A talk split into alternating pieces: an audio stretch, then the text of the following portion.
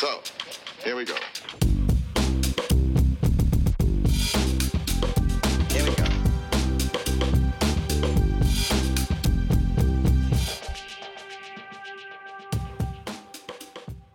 Ny forskning viser, at hovedstød skader blodbanerne i hjernen, og mange af de alvorlige hovedskader, der opstår i fodbold, kommer som følge af hovedstødsdueller. Er hovedstødet den farligste del af fodboldspillet? Hvilke men kan man få af hovedskader? Og hvis man skulle fjerne hovedstødet, hvordan vil fodbolden så se ud? Det er de vigtigste spørgsmål i denne uges udgave af det kritiske fodboldmagasin på 24-7, hvor vi også skal se lidt nærmere på kryptovalutans nylige indtog på den store fodboldscene. Mit navn er Lasse Udhegnet. Og mit er Jeppe Højberg Sørensen.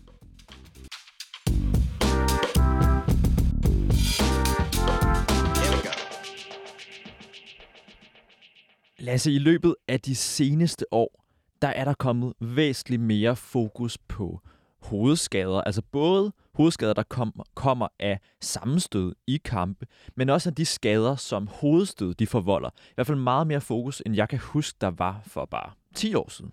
Ja, altså jeg tror, de, de fleste fodboldfans har lagt mærke til, at der er flere og flere spillere, som har de her hjelme på, når man har haft hovedskader, eller når man er i risiko for at have haft det. Vi har blandt andet set øh, Simon Skov Jacobsen for Hobro med det, vi har set OB's Tom van Verden med det for nogle år siden, og så tror jeg, at de første af os, der kan huske det, det var jo øh, Chelsea's målmand Peter Cech, efter han fik det her knæ i hovedet, hvor han jo spillede stort set hele sin karriere efterfølgende med en hjelm på for at forhindre flere hovedskader. Så der er kommet et, øh, et større fokus på det. Vi skal jo tale lidt i dag om den nyeste forskning mm. på det her område, men kan vi lige hurtigt rise op, hvad, hvad ved vi indtil nu? Altså, hvilken forskning har der været før den, øh, den norske forskning, vi skal tale om i dag? Altså et af de store studier, det kom frem i 2019. Et skotsk studie drevet af af professoren Willie Stewart, en, en neuropatolog, som kom frem til, at, at ud af 7.676 tidligere skotske fodboldspillere, målt op imod 23.000 normale mennesker, så havde den her gruppe af tidligere fodboldspillere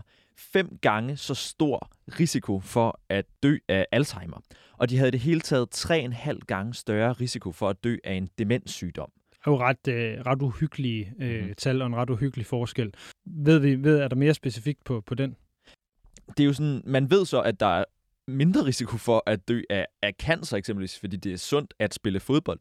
Men den her, men, men det er ret betragteligt så stor risikoen er, er højere. Og det, man har jo så også taget konsekvensen i blandt andet Premier League, hvor det bliver anbefalet, at der kun er 10, jeg tror, de kalder det, øhm, de kalder det higher force headers, i løbet af en uge indlagt i træningen. Altså hovedstød, som kommer fra sådan 30 meters afstand, eller et indlæg, der kommer fra 30 meters afstand, man skal lave et hovedstød til. Så, så man har virkelig prøvet at inkorporere i træning, at man ikke skal have de her tunge hovedstød, at det kun skal, skal være i kampe. Øhm, om det så bliver overholdt i træningen, det er måske svært at se for sig af nogle af de her gamle KFØ-trænere. Ja, hvordan, hvordan kan vi også måle det? Der er mange, mange elementer i det. I hvert fald, så er det jo det, vi skal i, øh, i den her udsendelse i dag. Vi skal tale med øh, Stian Bar Sandmo, som er norsk forsker, som er kommet med det her nye studie, som, som altså har fokus på blodbanerne. Og fordi det lader til, at det her jo er farligt Mm-hmm. for spillerne, og der er et større og større fokus på det, så skal vi faktisk øh, prøve at lave et tankeeksperiment i dag. Vi skal prøve at forestille os fodbolden uden hovedstød. Det skal vi sammen med OB's assistenttræner Rasmus Wirtz. Og så skal vi tilbage til en af vores øh, hvad kan vi sige, kæpheste her i vores, øh, vores program, nemlig kryptovalutaen, fordi mm. du har skrevet en artikel om det i Berlingske, fordi mm. der faktisk er en kryptobørs, som er blevet sponsor ved VM, så det er der, vi så slutter i dag. Men vi skal altså holde fokus på hovedstødet her til at starte med, og øh, der har jo været, som vi nævnte her tidligere, øh, nogle spillere, altså Tom van Wert, Simon Skov Jacobsen, øh, i dansk fodbold, vi har set spille med de her hjelme. En anden spiller, som har haft øh, flere hovedskader og har lidt meget voldsomt af det, det er Jakob øh, Hjort, som øh, har spillet for Jammerbugt Vendsyssel og i dag spiller for Hobro. Han har haft 4-5 alvorlige hovedskader, hvor den mest alvorlige, der var han ude i syv måneder, og øh, vi skal starte med at høre Jakobs historie om, hovedsk- om sin hovedskade. Den får I lov til at høre her.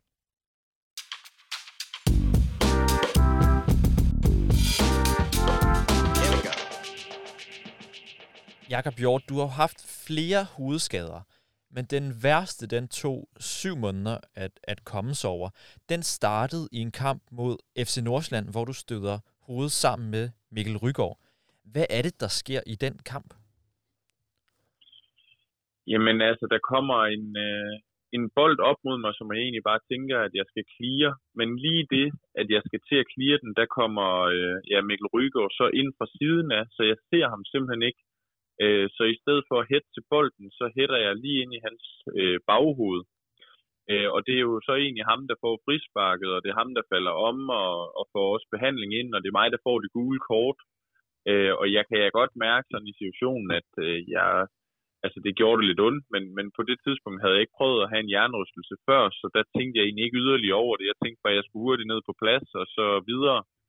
Men jeg kunne godt mærke sådan i løbet af de næste 5-7 minutter, at det bare blev værre og værre, øh, både i forhold til kvalme og ondt i hovedet, men også sådan øh, den her svimmelhed, som måske var det værste. Så jeg følte egentlig ikke rigtigt, at jeg vidste, hvor jeg var på banen.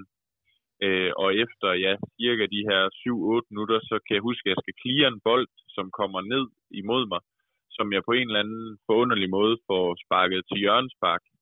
Øh, og bliver jeg bare nødt til at sætte mig ned, fordi så jeg ved godt, at der er et eller andet øh, helt galt, øh, og bliver så skiftet ud efter det.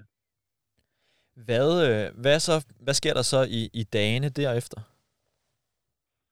Jamen som sagt, så havde jeg jo aldrig prøvet noget lignende, så, så jeg gik jo egentlig i det håb om, at nå, men det skulle nok hurtigt blive bedre, også fordi at øh, altså, to ud af de tre faktorer, som jeg beskrev før, de forsvandt egentlig sådan nogenlunde øh, Øh, dagen efter, både i forhold til hovedpine og i forhold til kvalme. Men den her svimmelhed og, og de her sådan, synsforstyrrelser, der også var, men de de blev ved med at være der, men jeg kan huske både med min familie og øh, mine trænere på daværende tidspunkt snakkede jeg med om, at jamen det, det var jeg da tilbage i løbet af en uges tid, eller ja, maks to uger. Øh, men det var bare som om, at øh, der ikke rigtig skete det store, og så tog jeg så fat i, øh, i en ekspert i, øh, i jernrystelser for Aarhus efter en måneds tid. Hvor, øh, hvor du ikke havde og, haft mulighed for at spille i en måned på baggrund af, af svimmelhed, simpelthen?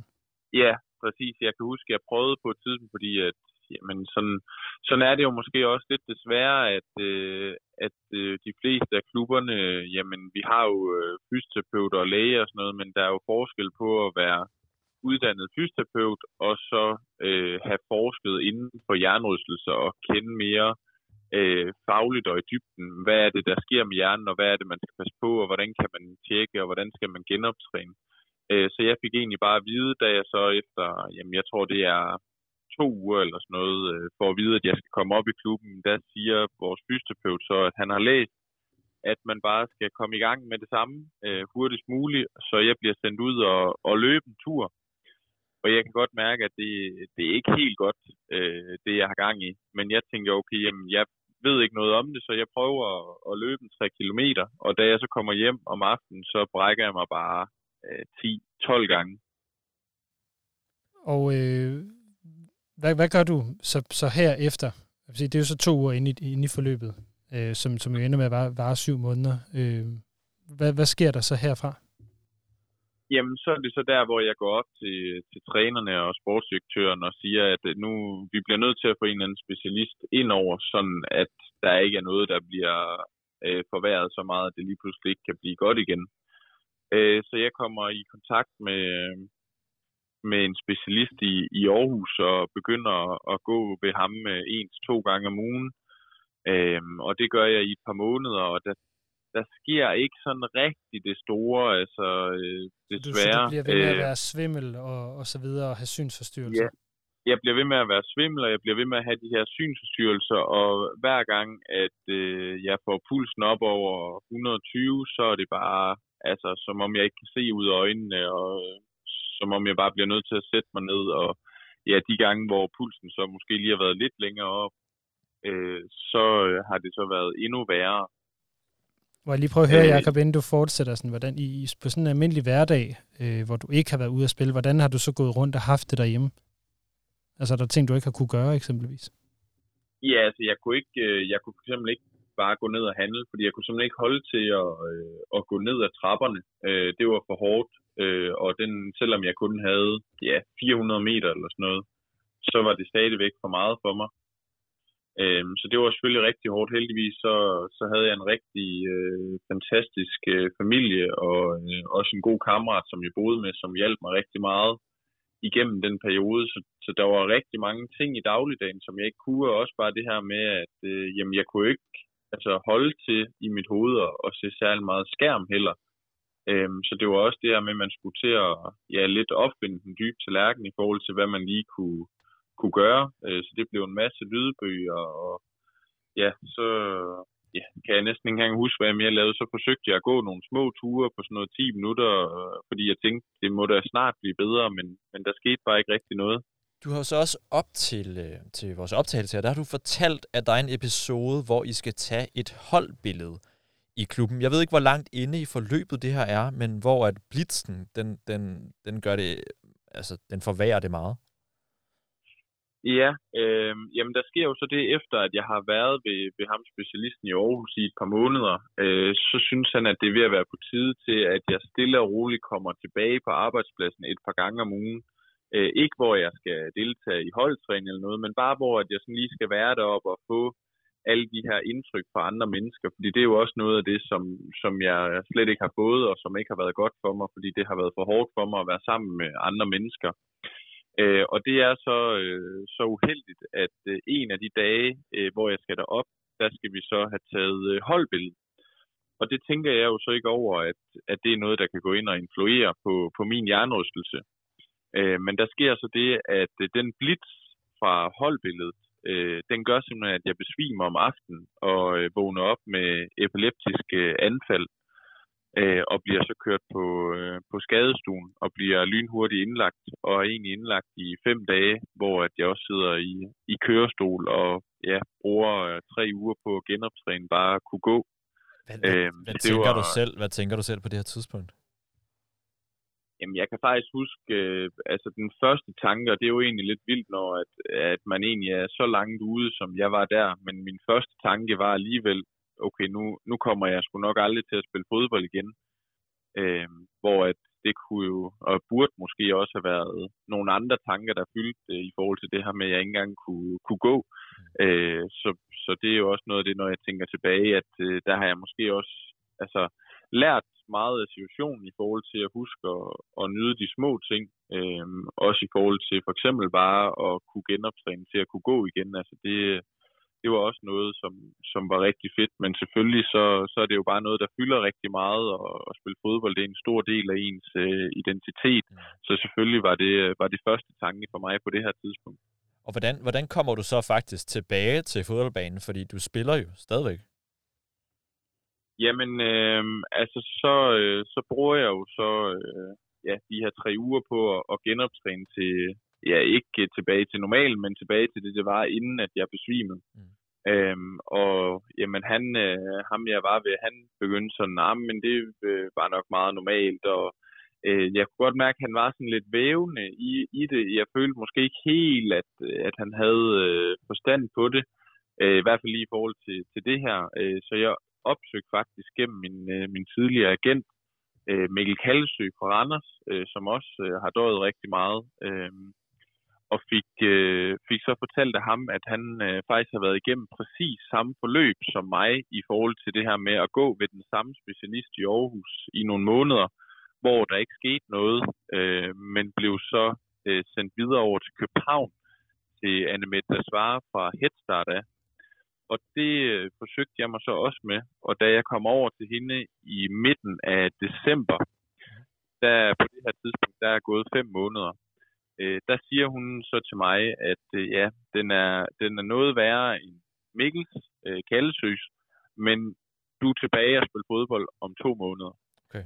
Og med det, jeg havde været igennem der, der tænkte jeg, ah, det, det tvivler jeg godt nok på, men, men jeg forsøgte selvfølgelig at, at følge de her retningslinjer, hun øh, stillede op for mig, og følge de ting, hun øh, sagde og gjorde. Men jeg kan huske efter, jeg har fået en to-tre behandlinger hos hende, øh, så sender hun mig så hjem. Jeg var der over en uge, og så sender hun mig hjem, og så siger hun, øh, når der er gået to uger, så skal du ud, og så skal du bare lunde 400 meter, og så pause, og så lunde 400 meter igen. Det er det. Og jeg tænkte, okay, jamen det, det bliver selvfølgelig spændende. Øh, og igen, så selvom det kun var helt stille og roligt lund, så brækker jeg mig bare 15 gange eller sådan noget. Okay. Og så kommer jeg så over til hende igen, og jeg begynder at tvivle mere og mere på, at, at jeg nogensinde får en normal hverdag igen. Men hun siger så til mig, hvis jeg havde sagt det til dig, inden at det var sket, så havde du ikke troet på mig. Så, så det gjorde Øh, ikke noget, at du brækkede dig 15 gange efter en kort løbetur? Fordi det var simpelthen øh, hele systemet, der skulle øh, genstartes. Okay. Og, og egentlig lige fra, fra der, hvor jeg så var over ved hende efter, hvor hun så igen øh, behandler mig, så begyndte det egentlig at gå rigtig meget fremad. Øh, og jamen, jeg tror allerede efter en måned hos hende, der kunne jeg egentlig løbe normalt, og begyndte også at kunne være mere på skærm, og sådan gøre mange af de ja, ting, man normalt gør. Øh, og så helt som hun egentlig havde lovet og sagt, så efter to måneder, så var jeg tilbage på fodboldbanen. Øh, Jakob Hjort, du har haft øh, 3-4 andre hovedskader derudover, hvor du har været ude i nogle uger. Øh, hvordan har du det i dag? Altså fungerer du, som du gjorde før du fik den her hovedskade helt oprindeligt? Ja, altså i, i hovedtræk gør jeg, at jeg kan godt mærke, at for eksempel det her med at sidde på computeren øh, mange timer ad gangen, så kan jeg godt øh, blive træt og ja, sådan få, få ondt i hovedet på en måde, som jeg ikke normalt gjorde før. Øh, og øh, den anden ting i forhold til sociale sammenhæng, kan jeg også godt mærke, at øh, jeg tror, der er i hvert fald mange, der vil beskrive mig som en med, med gang i. Øh, og man kan sige, at øh, i forhold til, når jeg har været ja, i forske- forskellige sociale kontekster, så har jeg egentlig fået energi af at være sammen med andre mennesker, hvor at, der kan jeg godt mærke, at det er blevet anderledes nu, hvor jeg kan rigtig godt lide stadig at være sammen med andre mennesker, men jeg er træt på en anden måde, når at jeg kommer hjem øh, og har brug for, for nogle flere hvil. Altså, jeg kan ikke lade være med at tænke, når, når jeg hører dit forløb her, altså du har siddet i kørestol en periode, du har skulle brække dig, jeg ved ikke hvor mange gange, og det har været ret uklart, hvilket skridt du skulle igennem, før du så møder hende, som, som hjælper dig. Mm. Ved man for lidt om hovedskader i fodboldmiljøet? Er det dit indtryk?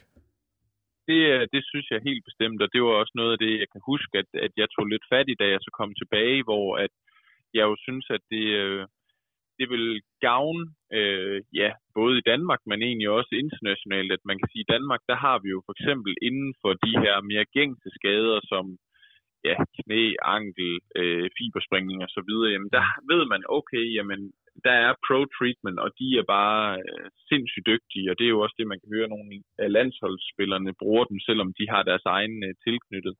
Og det er egentlig noget af det, som jeg også lidt efterspurgte dengang, det var, at man kunne få noget af det samme inden for hjernerystelser. Fordi bare fordi du ved, øh, hvordan et knæ skal genoptrænes, så er det ikke ens med, at du ved, hvordan at man skal genoptræne efter en hjernerystelse. Så der kunne jeg jo godt tænke mig, at man ligesom inden for alle mulige andre skader, havde en til to i Danmark, hvor at man ligesom sagde, jamen det er, det er dem her, vi anbefaler at tage til.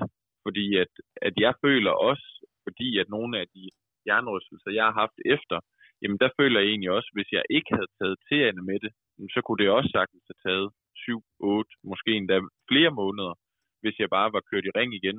Øh, men det, det tror jeg simpelthen skyldes, at, at hun ved, hvad hun laver, og dermed ikke sagt, at de andre ikke gør det, men, men det er også det, hun siger. Hendes forskning, det er sammen med, øh, hvad hedder det, USA. Mm. Så, så hun er jo måske lige 10 år længere fremme, så den forskning, som hun bruger, og de undersøgelsesmetoder, hun bruger, er så meget længere fremme end de, de fleste andre, man ser i Danmark.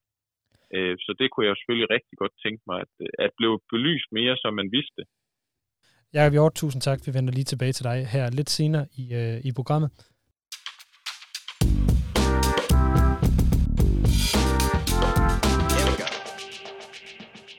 Altså, det er jo, Jeppe, en, en virkelig vild historie, Jakob Hjort, han, øh, han fortæller her. Og, altså, vi kan jo lige sige, at Jakob var jo egentlig også med i en af vores allerførste udsendelser her tilbage i, øh, i oktober-november mm. sidste år. Og det er jo, en, det er jo en, en historie, der har gjort indtryk på os, og som er blevet hængende, så det er også derfor, vi har, øh, har taget fat i den her nye forskning, fordi vi synes, det er utrolig relevant at få sat fokus på øh, de her øh, hovedskader.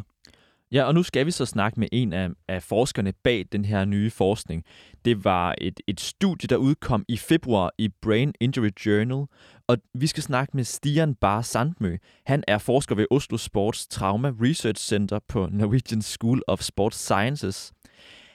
Det, som det her studie det gør anderledes end det tidligere studier, det er, at det måler, hvilken effekt der er umiddelbart efter, at man har lavet hovedstød. Så altså den umiddelbare effekt sekunderne efter et hovedstød, og ikke det her, som vi nævnte tidligere, det skotske øh, forskning, som jo peger adskillige år ude i fremtiden, når vi taler demenssygdom. Præcis, og der kunne også være alle mulige andre faktorer, som gjorde, at man havde højere risiko for, for demens, hvis man har været fodboldspiller. Det kunne være, at der er blevet drukket rigtig meget alkohol blandt de her spillere i, i skotsk fodbold i, i de her år. Ikke? Men det her, det viser altså, at der er en ret direkte påvirkning på blodbanerne, umiddelbart efter, at man har lavet hovedstød.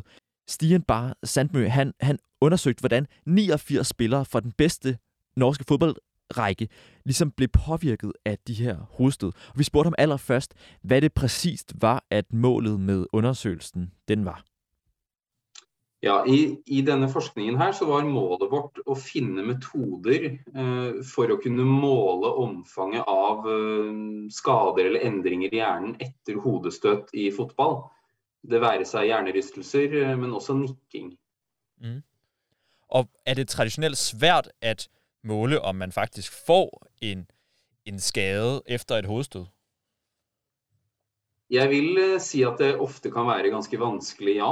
Det er, har, I mange år så har man leita etter objektive måter å måle eh, endringer eller skader på hjernen etter f.eks. hjernerystelser også. Man har jo muligheten til å ta røntgenundersøkelser sånn som eh, MR av hodet. Eh, det kan gi deg noe informasjon. Eh, men det er jo metoder som krever veldig mye ressurser, og som ikke er så lett tilgjengelig f.eks. rett etter at noen har slått seg i hodet. Så i denne forskningen her så brukte vi jo blodprøver som man potensielt da kan ta rett etterpå, kanskje på sidelinjen, og få svaret på ganske raskt da, i fremtiden. Så det er målet, å ha en metode som kan eh, brukes der og da. I havde jo 89 spillere med fra den bedste række i Norge, så vidt jeg forstår. Hvad viste de her blodprøver så, når I havde det med i eksperimentet? Og ikke mindst, hvordan blev eksperimentet ligesom udformet? Ehm, ja, hvis jeg forsto spørsmålet riktig, liksom, hvordan var dette designet? Og det, Mhm, præcis. vi, vi så på disse profesjonelle fotballspillerne. Eh, målte, vi tok blodprøver av de før kamp, også før trening.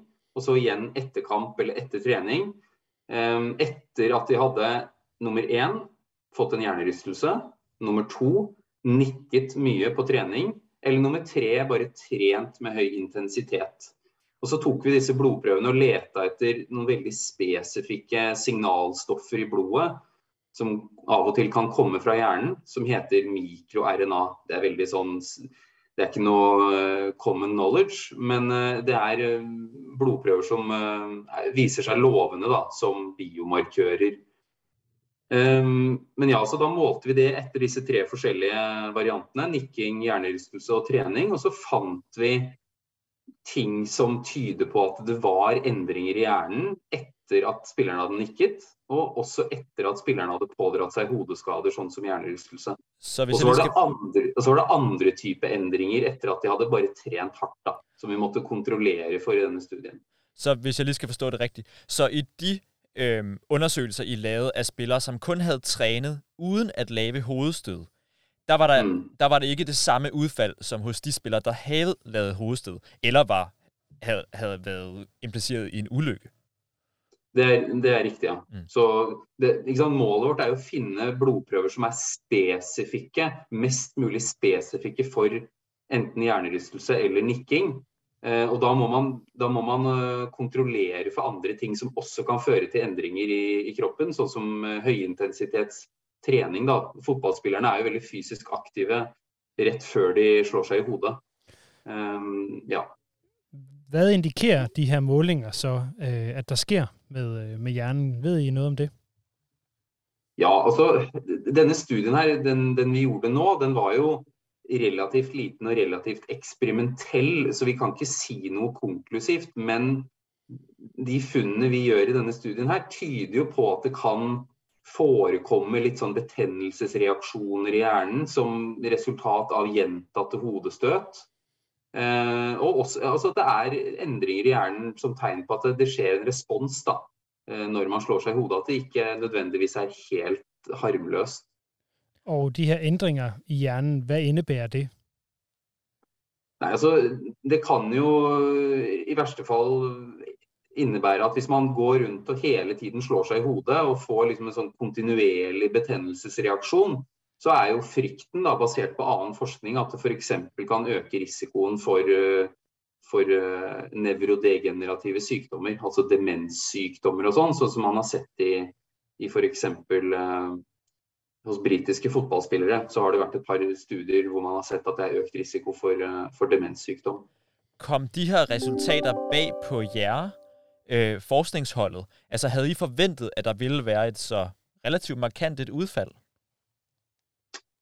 Jeg ble, jeg ble, ikke sjokkert, nei. Men det er også fordi vi, nettopp fordi det er en eksperimentell studie, så går vi litt bredt ut. ikke sant? Så vi leter med en litt Vi er litt åpne for å grave etter funn, da. Så, så det som trengs nå, er jo at, at, man går videre med andre studier og ser på om man kan reprodusere dette. Mm. Eh, så, så, jeg er ikke overrasket over at vi fant det vi fant, men eh, jeg er veldig spent på om eh, vi eller noen andre klarer å reprodusere de andre studier. Ja, fordi hvad er det, den eksisterende forskning, den viser? Altså, hvad er det for et felt, jeres undersøgelse spiller ind i, hvis man kan sige det sådan? Altså, hvis jeg tager det, det vigtige steget tilbake, så er det jo det ho hovedspørsmålet da, som i hvert fall jeg har jobbet med, er er det skadelig for hjernen å nikke i fotball, og er det skadelig for hjernen å pådra seg hjernerystelser i fotball? Og husk at det er to forskjellige ting også, da. Og den, altså, det har jo blitt forsket på i ganske mange år, men det er ingen som har kommet med noen gode, konklusive svar på det. Så når man leser oppsummeringen av forskningen, så sier den fortsatt at det, er ikke noe vi, vi vet egentlig ikke. Eh, og så er det nå, sånn som disse studiene fra Storbritannia har jo pekt i retning av at lange karrierer da, på profesjonelt nivå fører til en økt risiko for demenssykdom. I tillegg så har de altså, Det i seg selv kan jo være forårsaket av mange forskjellige ting. En fotballspiller, det er jo en Fotballspillere lever jo på sitt vis, på mm. samme måte som alle andre grupper har, har sine særegne karakteristikker. Så man har jo spurt seg ok, kanskje det er alkoholforbruk, kanskje det er andre ting da, som karakteriserer disse spillerne. Men så har man jo også sett at det, risikoen for å utvikle disse demenssykdommene, det avhenger også av hvor lenge du har spilt fotball, og hvilken posisjon du har hatt på banen, viste den siste studien til disse, disse forskerne. Og da begynner det å bli stadig mer sannsynlig at hodestøtene har noe med saken å gjøre. Mhm. Men om det er gjentatte hjernerystelser over tid, om det er gjentatt nikking eller en kombinasjon av begge deler, det vet ikke jeg i hvert fall. Det har jeg ikke noe godt svar på. Tror du I kan komme nærmere det svar i fremtiden, de kommende par år? Det tror jeg. Det tror jeg absolutt. Det pågår studier som nå eh, bygger videre på dette, hvor man går inn med enda mer detaljerte undersøkelser. Da. Så, I denne britiske studien så, så man jo på, på mm, dødsattester, altså death certificates, og så på dødsårsakene til disse spillerne. Og det er en veldig veldig grov, uh, unyansert måte å forske på. Mhm. Så nå er jo neste steg er jo å få tatt enda mer billedundersøkelser av spillerne for å få se litt mer objektivt på hvordan det står til med deres hjernehelse. Vi har jo allerede sett øh, eksempler på initiativer fra, fra klubber og foreninger. Altså i Premier League der blir det nå anbefalet at man laver jeg tror det er maks 10 tunge hovedstød til en Premier League-træning. Mm. Tror du på, at om nogle år, når forskningen den er kommet videre, at man fra sundhedsfaglig side faktisk mener, at det er usundt at lave hovedstød, og at det burde blive forbudt fra sundhedsfaglig side? Fra medicinsk faglig side, tenker præcis, du på? Præcis. Eh, nei, jeg er, jeg er veldig spent på det sjøl. Jeg, jeg er veldig nysgjerrig på det, i likhet med deg basert på den trenden man har sett de siste årene, da, om at man allerede nå, basert på det som er av forskning, har gått inn på øverste nivå, sånn som Premier League, og kommet med konkrete anbefalinger, så virker det ikke som at det skal så mye til for at man gjør disse endringene. Så jeg, jeg, hadde, ikke, jeg hadde, ikke, blitt overrasket om man om 10 eller 15 eller 20 år kom med, kom med en anbefaling om at man ikke burde nikke i det hele tatt. Uh, og, og, ikke sant, Så blir spørsmålet ok, er det nikking som eventuelt er skadelig, eller er det disse hjernerystelsene som er mest farlig? Men litt av utfordringen er jo også det at veldig mange av hodeskadene og hjernerystelsene oppstår jo i forbindelse med nikking. I forbindelse med hodedueller. Så jeg venter i spenning i likhet med deg, men uh, jeg hadde, jeg hadde ikke blitt sjokkert hvis man kom med sånne type anbefalinger etter hvert, nei. Stian Bar Sandmo, mange tak for, for at du vil bidrage til programmet her. Bare hyggelig.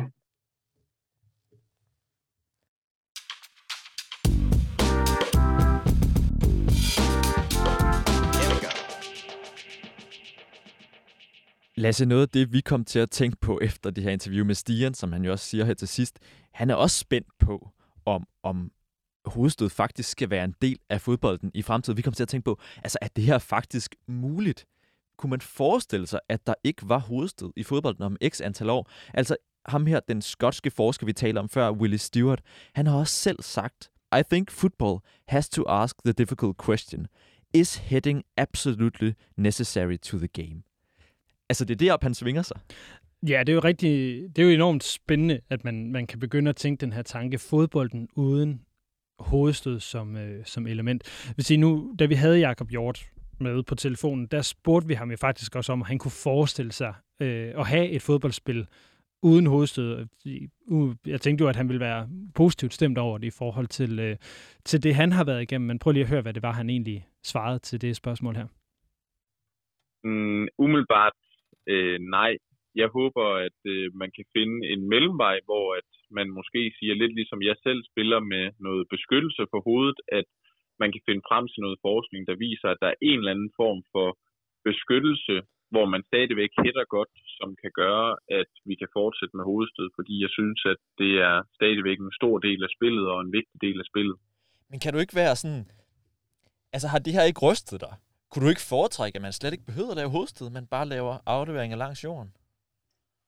Jamen, det er jo, man kan sige, du fratager også, øh, nu, sige, nu, nu skal jeg selvfølgelig ikke sætte nogen i bås, men mm. også øh, høje og måske lidt øh, mere fysisk stærke spillere mm. øh, en vigtig ingrediens i vores spil. Fordi man kan sige, at jeg er måske ikke den bedste øh, tekniske fodboldspiller, der har set, men, men en af mine forser har jo så altid været øh, hovedspil. Og man kan sige, hvis man tager det ud, så er der måske mange spillere, som ikke vil kunne begå sig på, på det niveau, som de ellers vil, fordi at det er en helt klar force. Så jeg synes jo, det, det er synd øh, at skulle fjerne det fra, fra mange spillere. Ja, Hjort. Tak for, at du ville være med her i programmet. Jamen selvfølgelig. Tak fordi jeg måtte. Så selvom Jakob Hjort han faktisk ikke mener, at, at det skal fjernes, det her øh, hovedstød fra spillet, så har vi alligevel tænkt, Jeppe, hvordan kunne det her se ud? Altså, vi kender det jo, når vi ser spillet nu, de her klassiske situationer, hvor hovedstød opstår. Det er på dødboldsituationer, det er frispark, det er hjørnespark, det er lange indkast, og det er de her lange målmandsudspark. Og nu har man også lagt mærke til, eksempelvis med andre regelændringer, at det her med at have en, en forsvarsspiller, der går ind i feltet, mm. at øh, det øh, på målspark, at det faktisk også er givet færre af de her lange udspark, som, som ender til duel midt mm. på banen. Så vi vil gerne prøve at køre den her tanke helt ud. Øh... Jo, også med den, altså, og ikke bare som et eller andet håbløst tankeeksperiment. Fordi med den forskning, vi har set de seneste år, altså hvem ved ikke, om ny forskning vil, vil i endnu højere grad bevise, at det her det er faktisk dybt skadeligt. Og så tror jeg ikke, man kan forsvare om 20 år, at man har hovedstød. Nej, det er jo det. Altså, fodbolden ændrer sig også. Øh, vi har fjernet øh, hvad hedder det, de masser af andre regler, eksempelvis man må spille bolden tilbage mm-hmm. til, til målmanden og, og så videre. Så hvorfor ikke tænke, at vi kan fjerne hovedstød fra, fra spillet også? For at teste den her idé mm-hmm. ude i virkeligheden, så har vi øh, ringet til OB's assistenttræner Rasmus Wirth, som i øvrigt også er øh, ham, der står for dødboldene i OB, til at prøve at tale med ham om det her, øh, det her tankeeksperiment. Og vi spurgte ham selvfølgelig som det første, øh, om han kunne forestille sig et fodboldspil uden hovedstød. Øh, ja, men nu var jeg jo lidt forberedt på det spørgsmål, det ville komme, og lige da jeg fik det, der må jeg faktisk indrømme, at jeg tænkte, det, det, det har jeg faktisk ret svært ved at forestille mig. Øh, jeg, jeg er ret sikker på, at, at det vil blive et helt andet spil, hvis ikke, øh, hvis ikke der er hovedstød indblandet. Øh, der er jo rigtig mange sekvenser af fodboldkampe, som, øh, hvor, hvor, hvor hovedstød er en del af det. Øh, det er både dueller midt på banen, øh, og jeg sagde noget af det, som jeg arbejder med til, til hverdag, øh, standardsituationer, øh, er jo også en stor del af det. Øh, og jeg tænker, at der vil være rigtig mange spillere, som, øh, som ikke vil få en, øh, en fodboldkarriere øh, af dem, som spiller nu, hvis det var, at øh, man lige pludselig tog den del ud af spillet, så ville det blive nogle andre typer, man, øh, man, man gik efter. Så, så i umiddelbart, så, så tænker jeg, at øh, hvis man tager det fuldstændig væk fra, fra spillet, at, øh, at, at det vil blive en udfordring, og det vil blive, det vil blive noget andet i hvert fald. Ja, så lad os prøve at tale om det der andet, hvad det, hvad det så kunne, øh, kunne være. Nu siger du, at øh, dødboldsituationerne vil ændre sig, man vil få øh, ændre spillet midt på banen. Der er mange typer spillere, der ikke vil, vil, vil komme igennem.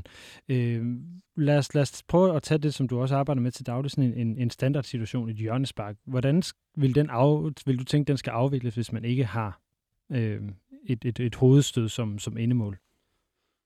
Øh, jamen, det er, jo, det er jo faktisk rent faktisk et godt spørgsmål. Altså, fordi mange af dem, det handler jo om, at man, man gerne vil uh, skabe uh, en eller anden form for kaos, eller man har en eller anden kombination, hvor, uh, hvor, den, hvor den bliver slået ind over. Det kan ofte være svært at gøre det uh, med, med en flad bold. Det er i hvert fald ofte dem, der bliver, der bliver dækket for. Og har man så nogle høje, som, som kan nå lidt højere op end, end modstanderen, jamen, så er det jo der, man har en chance for at score mål. Øh, så, øh, så det vil jo det vil jo foregå på en helt anden måde. Øh, det vil nok være noget med, at man, man, man tager det, som man også ser mange gange, et, et kort hjørnespark, øh, lange indkast, som vi også arbejder med. Jamen, der kaster du også ind, så, så det ender i en hovedstødstuel. Øh, det vil jo heller ikke øh, rigtig forekomme længere. Det vil der så måske være nogen, der synes er godt nok, fordi det kan også godt tage lidt tid en gang imellem at få, at få de situationer afviklet. Øh, så, øh, så der vil bare være mange ting, øh, mange faser af en fodboldkamp, øh, som, som, som der ikke kommer til at kunne være der længere. Øh, og øh, måske jeg... kan, det, kan det blive okay, det, det, det skal jeg ikke kunne sige, men, men øh, sådan lige umiddelbart, så håbede jeg jo lidt, at, øh, at der kunne være andre løsninger på, at man ikke fik, øh, fik de der dunk i hovedet, som, øh, som, som kan have nogle alvorlige konsekvenser. Mm, nu bliver jeg bare lidt nysgerrig, fordi at jeg jo øh, ved, at, at, øh, at OB i, i, i nogle år har bygget meget sit spil op nede fra, øh, fra målmanden, hvor man har, egentlig ikke har, har spillet så meget på de her lange udspark, hvor man netop spiller den op til duel, men, men har forsøgt noget andet. Øh, mm. Så man kan sige, er I jo egentlig ikke i virkeligheden på vej til at lave et spil, hvor, hvor hovedstød ikke behøver at være en hovedingrediens? Jo, det kan man sige. Altså, vi, vi vil jo gerne spille langs jorden, og det, det er der jo mange hold, der, der gerne vil. Øh, så, så er der også nogle hold, som, som spiller på en anden måde, og det, det synes jeg jo et eller andet sted også, man skal, man skal have noget, noget respekt for, at, at, at man kan gøre det på den måde, øh, og spille med de midler, som man nogle gange har. Ja, fordi det, at det er øh, også en faktor, at, at spillet vil blive mere sådan ensrettet. Måden at spille på vil ligne hinanden mere. Ja, det, det vil jo, fordi der er jo, der, der, er jo, der er jo færre muligheder i forhold til, til, hvad du kan nu, når, når du godt må, når du spiller med hovedsted. Altså, det, det vil det jo være. Så det vil jo blive meget mere ensrettet, som jeg sådan i umiddelbart kan forestille mig det. Øh, måden at spille på, den, øh, den, den bliver sådan meget, meget ens rundt omkring, tænker jeg. Men vil man så ikke få, altså nu taler du også om det her med, at der er nogen, der måske gerne vil af med de lange indkast, ikke? Altså vil vi ikke få et mere flydende spil, hvis, hvis man ikke mm. havde det, det her hovedstød som en del af det? Jo, måske.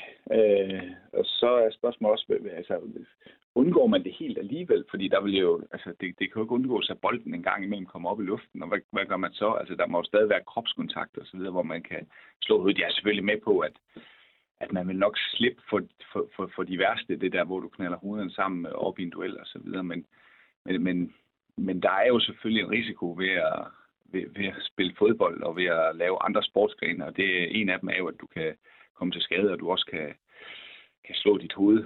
Øh, så øh, ja, så, så igen, jeg, jeg, jeg, jeg tænkte egentlig mest på, hvad, hvad kan alternativet være? Og der, jeg var jo selvfølgelig inde og kigge en lille smule øh, på, om man, man kunne spille med en eller anden form for beskyttelse på hovedet. Det synes jeg jo ville være et bedre alternativ umiddelbart i forhold til at skal ændre spillet så markant, som det vil være at, at skip helt øh, hovedstød. Jeg ved jo godt, man gør det i børnerækkerne og så videre. Det synes jeg er fint. Øh, men på et eller andet tidspunkt, så skal børnene jo også lære, altså hvordan er det, du håndterer et hovedstød, så man ikke lige pludselig bare siger, at nu er du voksen, nu må du faktisk godt hætte, og så, så ved de ikke rigtig, hvordan man skal gøre, så tænker jeg for alvor, at de kan komme til skade. Men er fodboldverdenen ikke også så fleksibel, at den vil vende sig til sådan en regelændring? Altså, vi har også set andre regelændringer. Offside, og, og her i, øh, i sidste år, der blev det jo det her med, at man gerne måtte have en spiller med ind i feltet, som betyder, at der kommer mere spil ned fra mm. ved, ved, ved målspark. Ikke? Tror du ikke bare, at fodboldspillerne vil finde en vej ud af det her? Jo, jeg, jeg, jeg, jeg tænker bare lige umiddelbart, at det er så markant en ændring af spillet, mm. øh, hvis, hvis man lige pludselig tager den del væk. Øh, og som jeg sagde, jeg tror, at fodbold vil blive, vil blive meget mere ens øh, i, i forhold til, hvordan det er i dag, hvor mm. du kan spille på, på, på flere tangenter. Øh, men, men selvfølgelig, hvis, hvis, det, hvis det er beslutningen, så, så, så vil man jo selvfølgelig tilpasse sig det øh, på en eller anden måde, og så vil der være spillere, som, som ikke længere skal, sætte næsen op efter en professionel fodboldkarriere.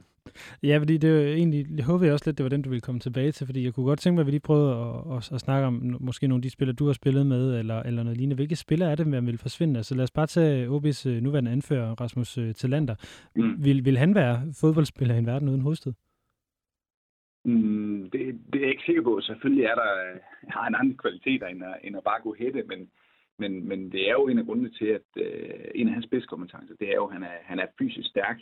Øh, han, øh, han er svær at håndtere for en angriber, fordi han, han, han moser på, og en af hans styrker er selvfølgelig også, at han er dygtig i luften. Så når vi gerne vil presse en modstander højt og så videre, så, øh, så ender det jo ofte i, at de også er nødt til at slå en lang bold, og så er det jo så er det jo mega godt for os, at vi har en, en talenter dernede, der, der kan rydde op og så hætte bolden fremad igen. Øh, så jeg tænker, at det vil blive en anden type, men øh, man vælger at have dernede, hvis, hvis, man, øh, hvis man lige pludselig ikke må lave et hovedstød dernede fra. Hvilken, Jamen, hvilken type vil det så være? Det var en lidt mere mobil type, en der, en, der var lidt hurtigere på fødderne, som, som kunne rydde op på en anden måde, øh, hvis, hvis det var, der ikke øh, var hovedstød med. Altså, nu har du også øh, spillet med en, øh, en Rette Pritja, som blev øh, topscorer i, i Superligaen for knap 15 år, år siden, som også var kendt for det her stærke øh, hovedspil. Mm. Vil det også være nogle andre angribertyper, man, man så vil, vil se? Det, måske har jeg ja, lagt svar klart, på det. Måske endda endnu mere markant på, på angriberne. Altså den her target player, som, som en del hold jo stadigvæk spiller med, øh, vil, vil jo, tænker jeg, ikke eksistere på samme måde. Altså jeg tror helt sikkert, man vil vælge nogle, nogle typer, som, som måske har noget fart, hvor, hvor hvis alting foregår nede på jorden, jamen, så er det der, de skal have deres spidskompetencer. Det, det sidste spørgsmål, øh, Rasmus Øtz, det går også på en af dine tidligere holdkammerater, som øh, er hollandske Tom van Wert, som jo fik en hovedskade, som endte med at spille med en af de her øh, beskyttende masker eller øh, øh hjelme øh, på. Er det ikke altså, er det ikke at foretrække, at man netop ikke skal risikere at, at stå i den situation, og så måske skulle spille uden hovedstødet? Altså, mener du, at, at, at spille, altså, det er jo, spille uden? Jamen, jeg tænker, der må have været en vis bekymring for, for, for Tom van Werts helbred i, i truppen, øh, efter, efter de skader, han endte med at få. Ja, klart. klart. Altså, det er da helt klart noget, man skal tage alvorligt. Altså, det, det er heller ikke det, jeg siger, at, at man ikke skal. Men øh, jeg håber jo sådan lidt, at man kan finde et alternativ til, at, at man ikke bare forbyder hovedstød. Der kan være en måde, man går ind i hovedstødene på, men man måske skal, skal justere på, så man, øh, så man forhindre de værste, eller, eller netop som Tom også gjorde i en periode, spille med, spille med den her hjelm, og det er der også andre spillere, der har gjort, øh, som har været udsat for noget. Det må I må væk lige kunne tage det værste tryk, som nu, nu kender jeg ikke til jeres undersøgelse der, men umiddelbart så ved jeg ikke, om det er selve hovedstødet, der er farligt, eller om, om, om, det, der, om det, der rent faktisk er farligt, det er, når man får hjernerystelser, når man slår hovedet sammen osv. Men, øh, men, men alternativ kunne jo godt være, at, øh, at man ligesom man spiller med benskinner, også skal spille med en eller anden form for, for beskyttelse om hovedet. Rasmus Wirtz, assistenttræner i OB. Tusind tak for, at du vil være med her. Og slet.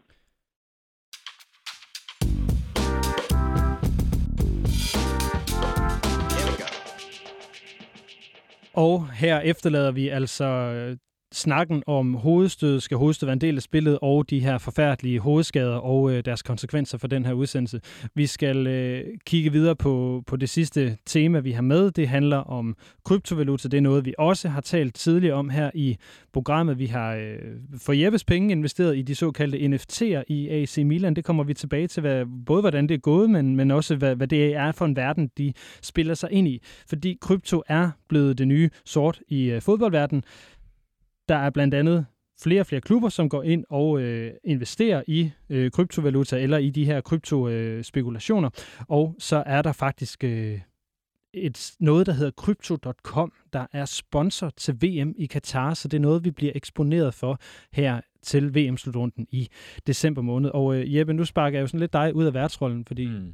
du har skrevet artikler om det, og øh, du ved ret meget om, om det her emne. Øh, det er også øh, dig, der egentlig har trukket, øh, trukket det ind i vores program, kan man sige. Så vil du ikke starte med lige at fortælle mig, mig og, og lytterne, hvad er Crypto.com? Mm-hmm. Jamen altså, Crypto.com, det er sådan en øh, online børs, hvor man kan handle alle de forskellige typer af kryptovaluta. Altså bitcoins, ethereum, hvad de ellers hedder. Så det er ligesom en børs, hvor man kan handle alle mulige aktier. Så her kan du bare også handle kryptovaluta. Der er også en, den spiller, som hedder eToro, som blandt andet står på Bo Henriksens skjortekrav i Midtjylland. De sponsorerer til Midtjylland eToro. Og der kan man altså gå ind og købe de her forskellige, øh, forskellige kryptovalutaer. Hvorfor tænker du, at øh, en virksomhed som, som Crypto.com er blevet øh, VM-sponsor? Jamen altså, det er jo virkelig det helt spændende spørgsmål øh, i forhold til den her. Øh, altså, jeg vil ikke sige, det er jo ikke sådan, det er ikke nyskabende, at, at Crypto.com bliver bliver sponsor for, for, for VM. Men det cementerer ligesom de her krypt, kryptoverdenens indtog i fodbolden. Og det, det sætter måske også kronen på værket over, over formålet med det hele, og den er at henvende sig til folket. Altså, efter... Altså, så, som er en almindelig fan, som, som du og jeg i virkeligheden. Præcis, præcis. Altså, jeg kan næsten ikke forestille mig noget sted, hvor du kan komme bredere ud end gennem en VM-slutrunde, ikke? Og, og det, der har været sagen i, i kryptoindustrien, det er ikke fordi, jeg er kryptoekspert i sig selv, men der i mange år har, har fokus i kryptoindustrien ligesom været på teknørderne. Det har været dem, som har købt øh, øh, bitcoins, det er dem, der har købt de her NFT'er, og, og i det hele taget har, har det ligesom været i den samme cirkel at de her, den her valuta, den ligesom har ja, cirkuleret i. Men det, som der så skal ske nu i kryptoindustrien, det er, hvis man skal fortsætte den massive vækst, så skal man udbrede sig. Og det skal man via alle de her fans, som, øh, som, som ser fodbold, og som måske også kunne være interesseret i at købe noget kryptovaluta. Altså dem, som i virkeligheden bliver, eller er fodboldforbrugere, som også skal ind og blive øh, kryptoforbrugere i den forstand. Mm jeg ridser lige hurtigt op, at, at uh, nu er der Crypto.com, der sponsorerer VM, der er eToro, der sponsorerer FC Midtjylland, og så er der også flere kendte fodboldspillere, blandt andet Paul Pogba i Manchester United, som, som også er involveret i de her øh, kryptovalutaer eller ting, man kan købe. Altså formoder jeg for at gøre det attraktivt, at det er en eller anden form for sponsorat, mm. at, at han øh, ejer dragæg i godsøjne. Præcis. Øh, det er jo sådan et andet ben af, af af kryptoindustrien, de her NFT'er, ikke? altså digitale samleobjekter, som vi så har set øh, spillere købe, og nok snarere bare promovere dem, for ligesom at andre skulle kunne få samme idé. Så kan man købe et digitalt drageæg, eller man kunne købe nogle af de her board apes, altså aber, der keder sig, som, som gør alle mulige ting, som, som vi blandt andet har set John Terry promovere ret voldsomt. Og, og det er jo ligesom også for, at andre skulle kunne få samme idé ja, kernen af, af den kritik, som mange udøver, det er jo så, at, at hele pointen er for de her sagesløse fodboldfans, som i virkeligheden bare godt kan lide John Terry, jeg kan lide Pogba, eller hvem det nu ellers er, få dem til at købe noget, de ikke aner noget som helst om. Og så vil dem, der allerede har lagt de første penge i de her, de vil kunne trække sig ud, når hypen er stor, og så kan de hive hele gevinsten, og så vil alle fodboldfans, som de er flest, tage pengene, fordi kursen vil, vil falde ret dramatisk. Ja. Så når vi nu taler om øh, altså den her bevægelse, det er, jo en, øh, det, er jo, det er jo din holdning til det, tænker jeg lidt. Altså... Ja, men også den kritik, som blandt andet The Guardians tekstjournalist har udøvet, og The Athletic har, har vist. Og det, som man ved omkring, for eksempel da Messi blev købt af PSG, eller blev skrevet kontrakt med af PSG, der blev der hype, blev den her øh, blev, blev de her socios, eller chilis, som er kryptovalutaen bag fantoken, som vi skal snakke om lidt gå ud fra, de blev hypet helt vildt. Og det har man så fundet ud af. Det blev gjort på nogle særlige forer, tilknyttet den her kryptovaluta. Og det betød, at der kom, helt, altså der kom en masse medieoverskrifter omkring, øj, må ikke, at den her kryptovaluta ville stige sindssygt, når, han så, når der blev skrevet under med ham. Men så trak alle spekulanterne sig ud, og så faldt den drastisk dagen efter, at han blev præsenteret. Vi prøvede jo øh, her i programmet for øh, et halvt år siden at købe nogle fantokens i AC Milan, øh, som jo var, at man kunne købe sig til en eller anden form for, for indflydelse i klubben. Nu kan jeg ikke lige huske, om det var, hvilken musik, der skulle spilles, når de mm. løb på banen, eller et eller andet andet. Eller at man kan købe de her samleobjekter, øh, NFT'er, som, som vi talte om før, så de her digitale billeder, som man så køber ejer rettigheder til. Hvordan hvordan bliver man som fan eksponeret for det her? Hvordan bliver man lukket ind i at skal interagere med, med den verden gennem fodbolden? Altså først og fremmest, så, så er det jo igennem sponsorater og det er jo lidt en, sådan en sær konstellation, fordi at, at hvis vi taler om Socios, som er den største platform, som udbyder det, der hedder fan tokens.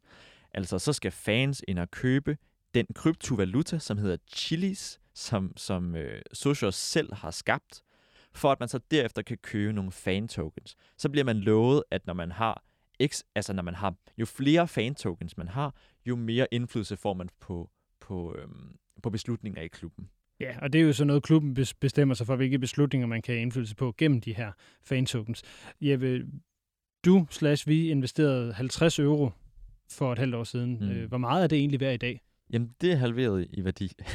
Øh, og det er sådan en sær blanding af, at både chilis, altså kryptovalutaen bag, og fan tokens, de kan variere i værdi.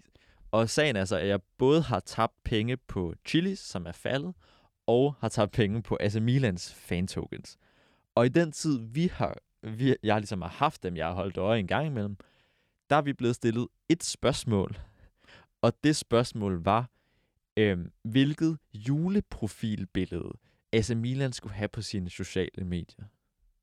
Okay, så det er det, vi kan få indflydelse på. Mm. Øhm, det, er jo, det virker jo som, for mig mere som, som noget, man lige har, altså ikke har fulgt op på. Det virker jo ikke, som om der er interaktion mellem dig og AC Milan i, igennem det her. Det er jo ligesom det, som jeg tænker, der vil være forretningsmodellen. Det var at skabe en masse interaktion. Lad os sige, du sidder på øh, San Siro til en kamp, og så kan du gå ind og gøre et eller andet på din telefon, mens kampen kører. Du kan få, få lov til at få indflydelse på, hvad, hvilke nummer skal vi høre i halvlejen, eller et eller andet. Så er det her noget, som klubberne går meget seriøst ind i, eller er det bare sådan lidt noget, de prøver af, eller hvordan oplever du det? Altså rent finansielt er det ganske seriøst. Og så, jeg synes jo, det er yderst kritisabelt, at de så ikke engang udbyder nogle reelle sådan, muligheder for indflydelse. Men altså, en, en af de måske mest markante og sigende aftaler, der er lavet i den her verden, det synes jeg er Inter Milan, som, som har fået Socios ind på brystet i år. Og, altså og, som erstatning for, for det ikoniske Pirelli. Ja, præcis. Ud af gået Pirelli, som, som er et over, en over 100 år gammel milanesisk gummi-dækproducent, som altså, ja, det er jo hjerteblodet, ikke? som er røget ud efter 26 år på trøjen, og ind er så kommet Sushos. Og, og ja, vi ser jo så i høj grad, at det kommer mere og mere til også at ligne scams, når der reelt ikke bliver, bliver udøvet mulighed for, at, at fans kan få indflydelse. Ja. Så øh, er der nogle muligheder for at regulere det her marked, sådan så sagsløse fans som du og jeg, der måske kunne blive fascineret af det, ikke bliver udnyttet? Altså, jeg tror, at der er jo reguleringsmulighederne ligger jo i regeringerne, som med alt andet lovgivning, ikke?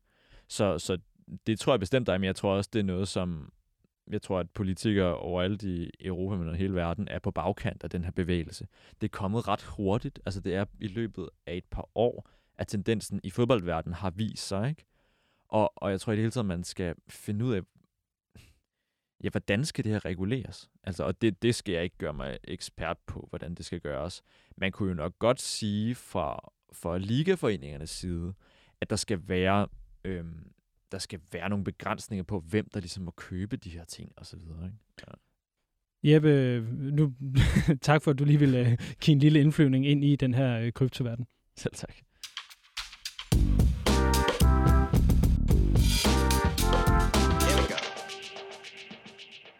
Og med det her lidt underlige del af fodboldverdenen, hvor vi altså er sluttet af, så, øh, så kan vi lukke ned for, for den her uges Det Kritiske Fodboldmagasin. Kan de kan høre alle vores øh, tidligere udsendelser på diverse podcasts, medier, og at øh, I kan høre os live hver lørdag aften kl. 23, hvis I har lyst til det. Tusind tak for, at I har lyttet med alle sammen. Vi er tilbage igen i næste uge. Mit navn er Lasse Udharnet. Og mit er Jeppe Højberg Sørensen.